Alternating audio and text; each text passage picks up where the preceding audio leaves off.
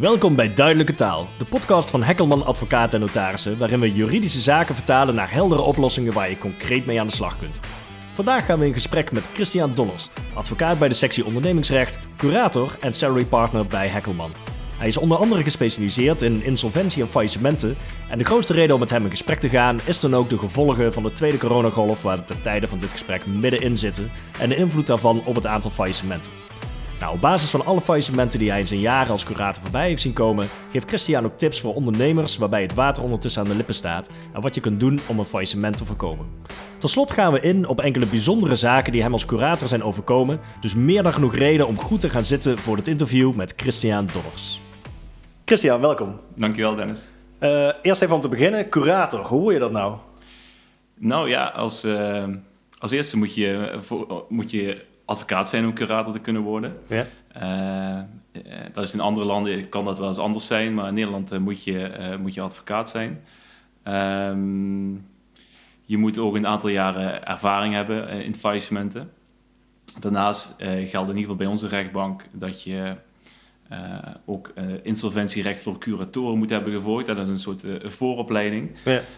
Um, en dan na drie, vier jaar, in ieder geval met, met, met zoveel ervaring, dan kun je in aanmerking komen voor een, voor een benoembare plek. Um, dat wil nog niet zeggen dat het een kwestie is van een brief sturen naar de rechtbank en aangeven van beste rechtbank, ik wil graag faillissementen krijgen. Zo werkt het niet. er zijn altijd maar een beperkt aantal plaatsen beschikbaar. Um, de rechtbank geeft ook maar een aantal uh, aantal plaatsen per advocatenkantoor. Uh, bij ons zijn er op dit moment twee, dus naast mij uh, Annemarie Weesink. Um, en pas als daar plek is, als de rechtbank vindt dus dat er plek is bij een kantoor en ook in het algemeen, hè, dat, er, dat er genoeg faillissementen zijn om onder de curatoren te, te verdelen, dan, dan kun je in aanmerking komen om, om benoembaar te worden als, als curator. Dan kom je op de curatorenlijst te staan bij de rechtbank. En dan uh, kun je op regelmatige basis uh, faillissementen krijgen. En, maar dat moet je wel zelf doen. Je wordt niet uh, gescout. Nee, je wordt niet gescout. Nee, het is geen, het is geen voetbal. Nee, precies. Nee. Oké, maar wat, en, en, wat doe je dan precies als curator? Wat is, wat is je functie dan? nou, de curator ehm, die dient eigenlijk de belangen van de schuldeisers te behartigen in het, in het faillissement. Ehm, iemand gaat failliet omdat, er, omdat hij te veel schulden heeft. Hij kan zijn schulden niet meer betalen op dat moment. En die heeft dus uh, minimaal twee schuldeisers, anders kun je niet, uh, kun je niet failliet gaan. Uh, en als curator kijk je of die betreffende persoon die failliet kan gaan, of het bedrijf wat failliet gaat, wat daar nog aan, aan vermogen in zit. En dat vermogen probeer je te gelden te maken. Um, en dan heb je aan het einde van het faillissement heb je een bepaalde, boedel heet dat, heb je een bepaalde hoeveelheid geld.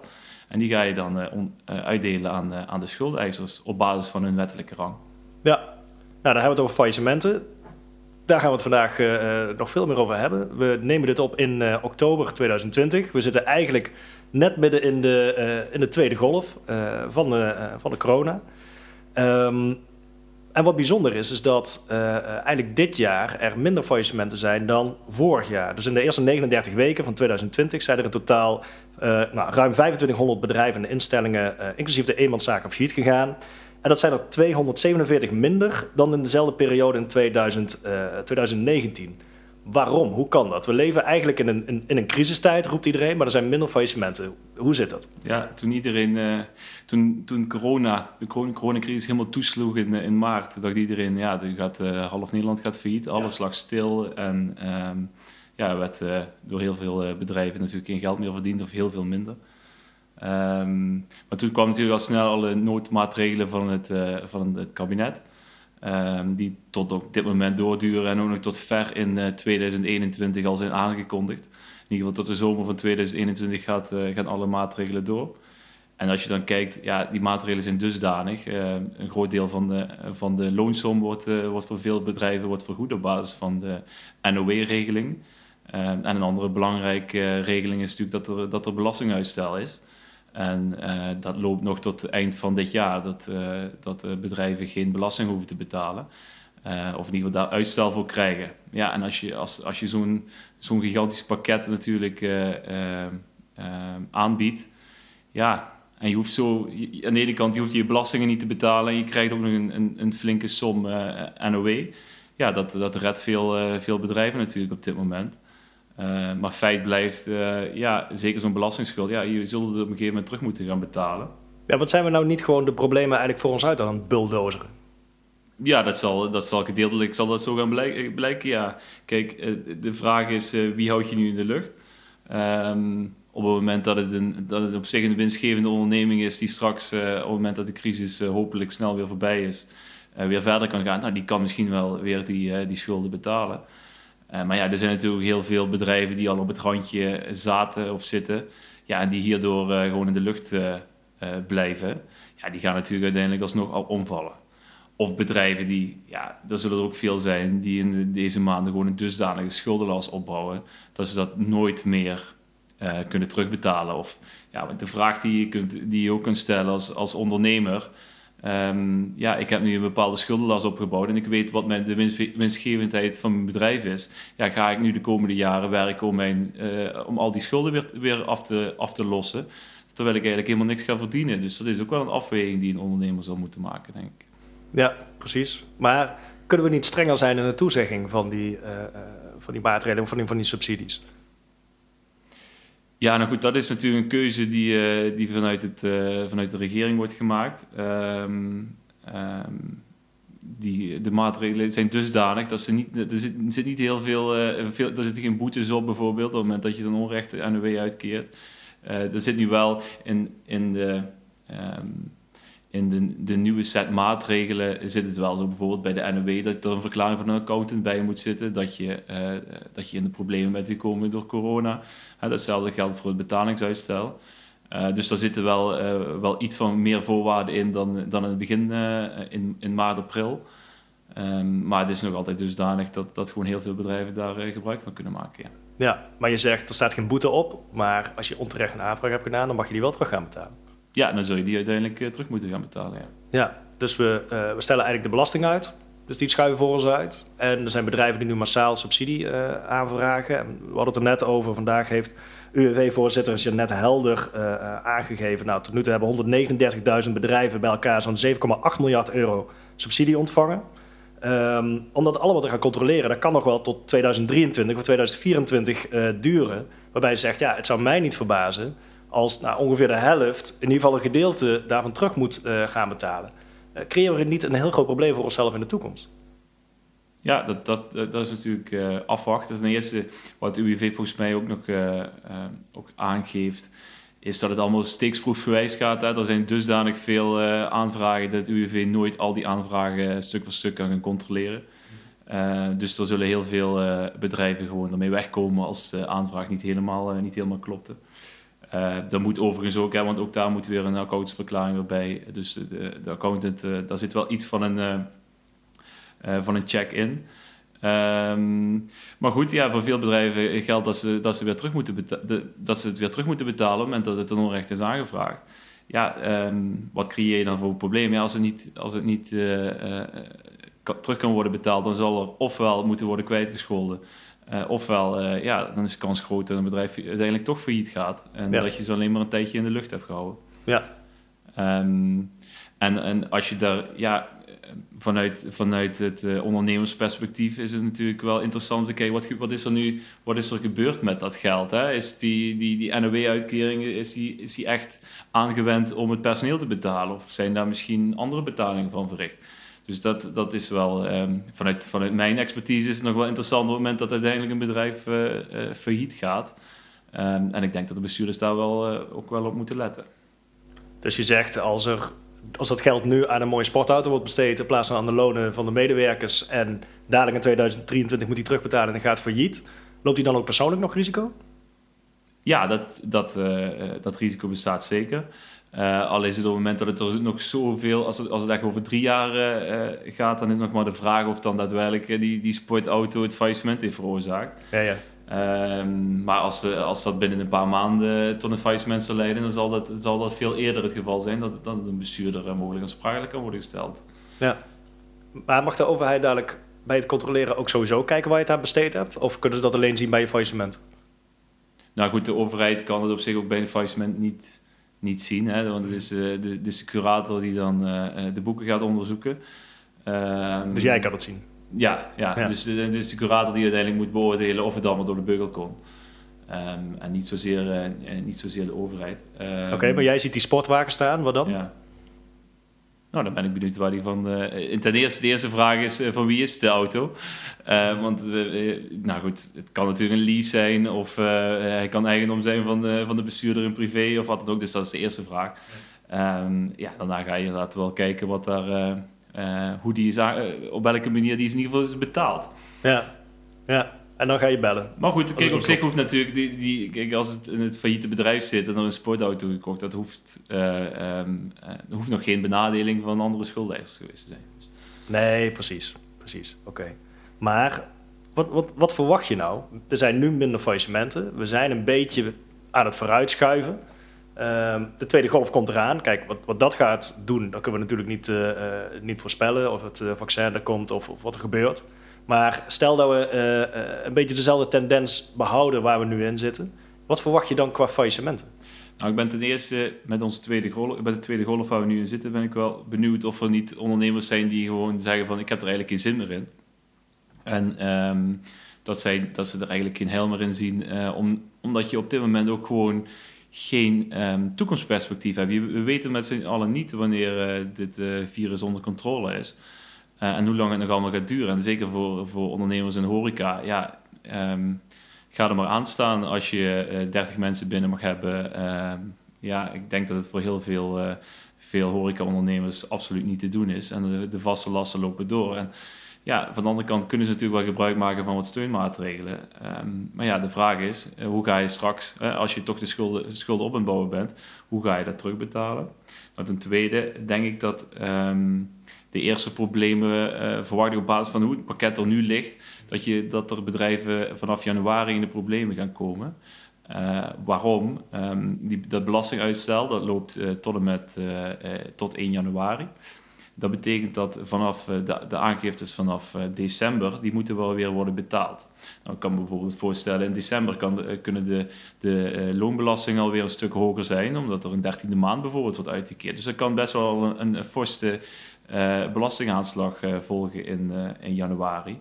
Ja, en dat zijn veel bedrijven niet meer gewend, want die betaalden al negen maanden geen belasting meer. Dus dan, dan begint het, hè, dan moet je het langzaam meer oppakken. Um, dan moet je langzaam meer aan je betalingsverplichtingen gaan voldoen. Daarnaast het, het, het pakket NOW, dat wordt afgebouwd. Um, dus die, die vergoedingen worden lager en je... Um, je omzetverlies moet bijvoorbeeld van 20% tot 1 januari, moet vanaf 1 januari moet al 30% omzetverlies zijn. En daarnaast is het dus dat je, dat je een, een, een kleiner deel van je loonsom vergoed krijgt.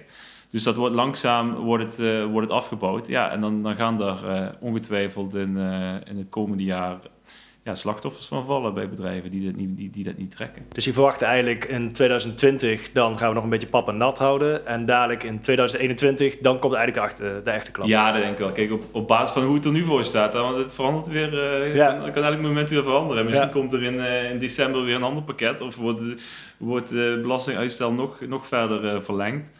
Al denk ik dat, dat eigenlijk niet, want ja, in december hebben bedrijven eh, die tot het uiterste ervan gebruik gemaakt hebben, die hebben negen maanden uitstel gekregen. Ja, je moet op een gegeven moment ook gewoon zeggen, je moet gewoon weer je belasting gaan betalen. Want wat heb je als bedrijf aan overlevingsperspectief als je gewoon je, je lopende verplichtingen al niet kunt, kunt voldoen? Laat staan dat je, dat je de opgebouwde schulden terug kunt betalen. Maar stel, je bent nou ondernemer, um, je krijgt nou een tik, je denkt ik heb er eigenlijk geen zin meer in, of je, of, of je kan de rekeningen gewoon nu niet betalen, wat zou je dan adviseren? Vol op de maatregelen gaan of gewoon nu de stekker eruit trekken? Nou, dan krijg je eigenlijk een, een, een heel erg advocatenantwoord. Dat hangt natuurlijk af van de omstandigheden van het geval. Ja, um, ja je, zult, je zult per ondernemer toch goed moeten kijken wat, wat in die situatie um, de beste oplossing is. Je hebt eigenlijk uh, twee, twee, grofweg twee varianten. Heb je het op zichzelf een levensvatbare bedrijf. Hè, ehm, wat dus nu door de, de, crisis uh, in de problemen komt. Um, en dan heb je de variant van, het, van het bedrijf wat eigenlijk al, al heel ja, kleine marges maakt, een klein winstje, misschien altijd een beetje op het randje aan het, aan het, aan het werken was. Dus dat, dat is, dat is wel, wel van belang. En het toekomstperspectief hè, van, van een bedrijf. heb je nu op dit moment een bepaalde schuldenpositie opgebouwd, maar verwacht je dat, dat, dat, je dat je weer behoorlijk winstgevend kan zijn? Ja, dat is natuurlijk heel anders dan als die verwachting dan niet is. Ehm, en dan, daarnaast um, ga je ook kijken naar andere dingen. Hè? Bijvoorbeeld, uh, wat is de positie van een bestuurder op het moment, uh, op het moment dat je nu failleert? Hè? Wat is de positie en wat is de positie als hij als die doorgaat? Um, wat is de positie van de aandeelhouders? Moet er geld, kan er geld bij of um, kan er nog bij gefinancierd worden? Dus daar zitten, daar zitten allerlei aspecten aan dat je niet in één, uh, ja, in één zin kan zeggen van dit is het algemene advies aan, aan ondernemers. Mhm. Het belangrijkste is wel, um, ja, erken je problemen, denk ik. Hè? En uh, ten opzichte van schuldeisers gaan mensen in gesprek. Dat voorkomt vaak een hele hoop ellende. En, en laat je goed adviseren. en kijk naar je, laat goed naar je situatie kijken. Um, en misschien uh, is er dan een oplossing en, en is die oplossing niet het aanvragen van een faillissement, want dat is vaak gewoon het allerlaatste. Dat is eigenlijk je, laatste, je laatste redmiddel. Ja, het, het kan ook een redmiddel zijn, ja, want je, ondernemingen kunnen ook vanuit een faillissement weer worden doorgestart. dat betekent eigenlijk dat je dat de, de, de activa die, die in, het, in het bedrijf zitten, dat die worden gekocht door een doorstarter. Uh, je ziet dat dat regelmatig is dat de, het huidige management, hè, de huidige aandeelhouder, die, die, die wil dat nog wel eens doen. Um, maar goed, op het moment dat je dus als ondernemer zit en je hoopt op zo'n doorstartscenario, dan bestaat natuurlijk ook wel het risico dat, dat een ander met je bedrijf er vandoor gaat. Um, dus dat, op het moment dat je fiets gaat, dan geef je als ondernemer wel de macht uit handen aan, uh, aan de curator. Als curator heb je eigenlijk een best wel grote verantwoordelijkheid, waarbij je echt gaat kijken ook naar uh, zaken zoals personeel, om, om dat zo goed mogelijk te behartigen naast de, naast de schuldeisers. Ja, nee, natuurlijk. Uh, als, als curator mag je ook uh, de maatschappelijke belangen in je, um, in je handelen meewegen. En daar is het werknemersbelang is daar ja, eigenlijk wel een van de belangrijkste bij. Uh, dus dat betekent, bij zo'n doodstartscenario mocht je iets minder opbrengst kunnen genereren, maar veel meer werknemers aan de, aan, de, aan de slag kunnen houden. Dan kan het zo zijn dat die optie de voorkeur niet boven een, uh, boven een optie waarbij, waarbij veel meer geld wordt betaald, maar waarbij misschien veel minder werknemers doorgaan. Dus dat is zeker wel een afweging die, die heel belangrijk is. En hoe vaak zie je het eigenlijk nog goed komen? Hè? Dus stel iemand zit op het randje van faillissement, die gaat in gesprek met zijn schuldeisers, die gaat zijn contracten wellicht her, uh, heronderhandelen. Uh, zie je het dan vaak nog goed komen? Je zit bij de afdeling uh, begrafenis en uh, crematies, ja? heb ik ooit van, van mijn, van mijn patroon geleerd. Ja. Um, maar ja, ik breng het toch altijd wel, hoe, hoe cru het misschien ook klinkt, een faillissement als iets positiefs. Omdat een, een faillissement is vaak ook weer het begin. Het is gewoon de start van iets nieuws. Um, als je ziet, uh, natuurlijk, kijk, je hebt uh, in, in faillissement heb je ook uh, veel mensen die het, die, die het niet zo goed voor hebben met hun schuldeisers en die vooral aan zichzelf hebben gedacht. Uh, maar in mijn optiek zijn de meeste ondernemers toch gewoon goedwillend en die willen niet, uh, die willen niet failliet. En dat is ook het laatste wat, wat, uh, wat zij wensen. soms zie je ondernemingen die tientallen jaren hebben gedraaid en dan plotseling failliet zijn. Ja, dat, dat wil eigenlijk niemand. Um, en voor die, voor die goedwillenden, ja, die hebben gewoon vaak een hele tijd ellende achter zich.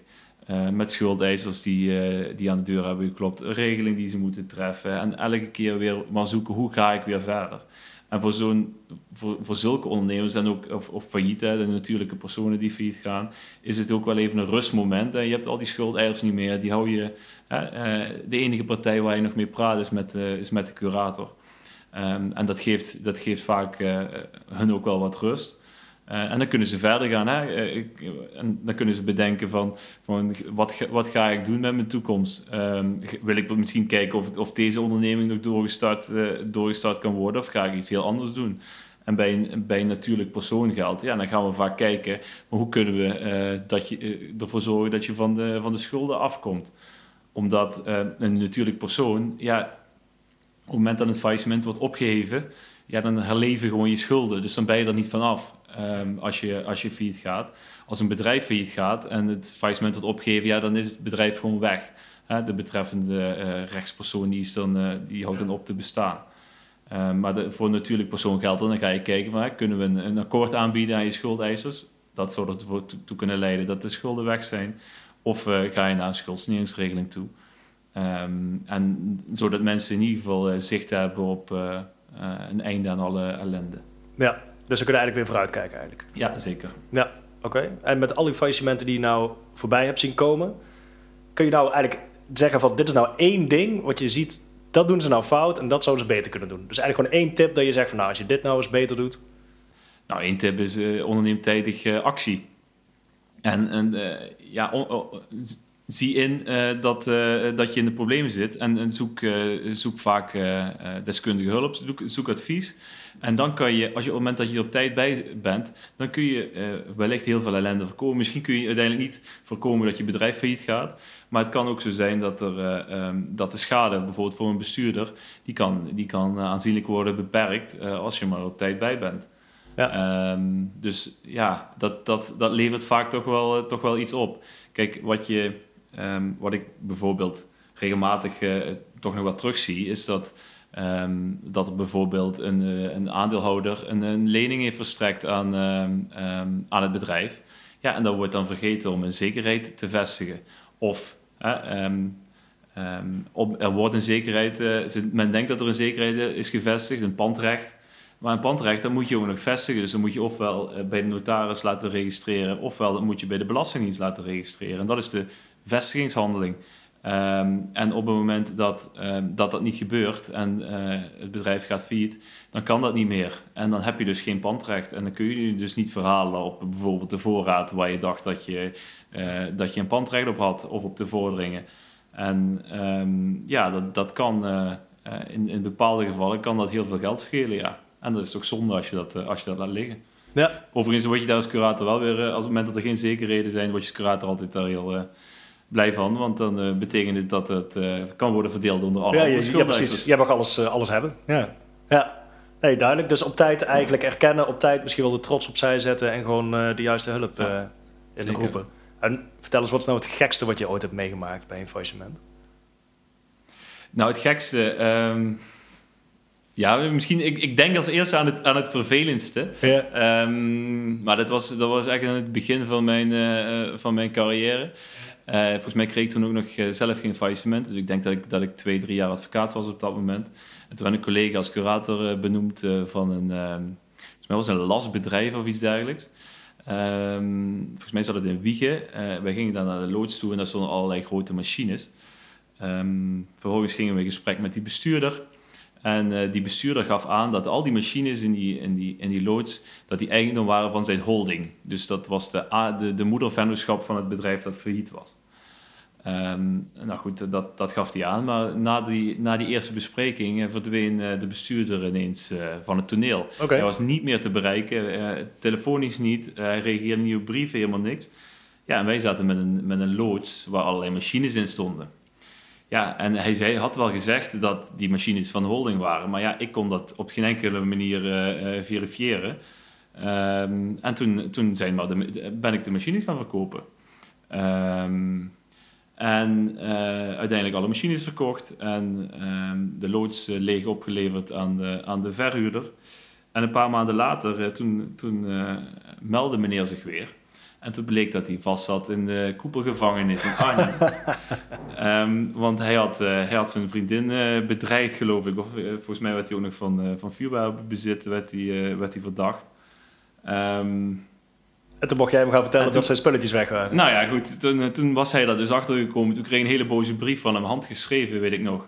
Uh, dat, uh, dat het natuurlijk belachelijk was dat die spullen waren verkocht. Want er was natuurlijk, uh, er was voor tonnen spullen, was er door de curator voor bijna niks natuurlijk verkocht volgens hem. Um, en toen heb ik uiteindelijk besloten om, om hem op te gaan zoeken in, in, in de gevangenis. Um, en dat werd niet zo'n prettig gesprek. Hij, zat, ja, hij was al, al direct heel emotioneel. Um, en hij gaf, um, uh, hij gaf toch wel aan dat hij er niet blij mee was. En ik, ik weet niet, hij zat met zijn pen een beetje te, een beetje te knipperen. Ja. Tot hij op een gegeven moment opstond en uh, mij aanviel uh, met zijn pen. En mij probeerde, ja, ik weet niet wat hij probeerde te doen, in ieder geval te ja. verwonden met zijn pen. Ja, niet knuffelen. Maar goed, voordat, hij, voordat hij bij me was, stormden er drie bewakers de kamer binnen en werd hij overmeesterd. Um, nou ja, goed en toen mocht hij de isoleren geloof ik. Dus dat was het einde van het gesprek. Ook wel, ja goed, daarna ga je met zo iemand, dan laat je maar gaan. Ga je het faillissement opheffen, waar hij allemaal nog bezwaar tegen heeft gemaakt destijds. Ja. en ik weet nog dat hij ook nog een keer bij een collega notaris hier op kantoor is geweest. Uh, ik weet niet meer waarvoor, maar waarbij hij nog de opmerking maakt dat hij die kleine nog wel een keer uh, te grazen gaat nemen. Ja. Um, gelukkig is dat nog steeds niet gebeurd, dus ik hoop dat hij dit niet hoort. En, uh, ja. ja, nou goed, dat, dat, dat, is, dat is in ieder geval het, um, het, het, het, het minst leuke. Het is natuurlijk wel, wel een heftig verhaal, maar er zijn natuurlijk wel, wel, wel hele leuke verhalen. Hè? En, en vaak zijn het niet eens de, de, de wat grotere ondernemingen die, die failliet gaan, wat leuks is, maar ook uh, vaak ook juist die natuurlijke personen, die mensen die echt in de problemen zitten, uh, die je dan helpt, of, ofwel met een akkoord, ofwel naar de schuldsteningsregeling, uh, die gewoon op die manier gewoon een zaakjes weer op orde krijgen en weer verder kan gaan. en, en waar je dan een bloemetje van krijgt of een, een doos chocola. En, mensen die helemaal niks hebben en ik krijg, want ik weet uh, dat op het moment dat jij uh, naar zo'n schuldsaneringsregeling uh, gaat, dan moet je gewoon jarenlang, drie jaar lang, moet je op bijstandsniveau leven. Ja. ja, dan vind ik toch mooi dat die mensen nog even een, een, een klein procentje komen afgeven. Dus zulke dingen, dat, ja. dat, dat is vaak mooier dan, of dat, dat geeft in ieder geval veel voldoening. Ja. dus dat, dat, dat zijn dan de leuke kanten. Wat een mooi beroep eigenlijk. Ja. Ja. Hey Christian, dankjewel voor je toelichting. Um, ja, kijk, we leven natuurlijk nog in, nog in coronatijd, dus geen idee hoe de komende maanden zich uh, gaan ontwikkelen. Ja, het, volgt zich allemaal zo snel op uh, dat we misschien wel een, uh, een maandelijkse podcast van, van kunnen gaan maken. Maar ik stel voor dat we aan het begin van het nieuwe jaar eens gaan kijken of inderdaad die klap gaat komen. En kijken hoe de situatie dan erbij staat. Ja, ik, we zullen zien. En voor de BV Nederland hoop ik dat, dat het allemaal mee gaat vallen met de faillissementen. Um, en, en uh, dat, uh, dat toch de meeste ondernemers deze zware tijden gewoon gaan overleven. Ja, laat het, uh, laat het hopen. Christian, dankjewel. Graag gedaan. Tot zover het interview met Christian Dollars. Mocht je naar aanleiding van het interview nog vragen hebben, stuur gewoon even een mailtje naar marketing.hackerman.nl en wij leggen jouw vraag bij Christian voor. Bedankt voor het luisteren en tot de volgende keer bij de Hackerman Podcast Duidelijke Taal.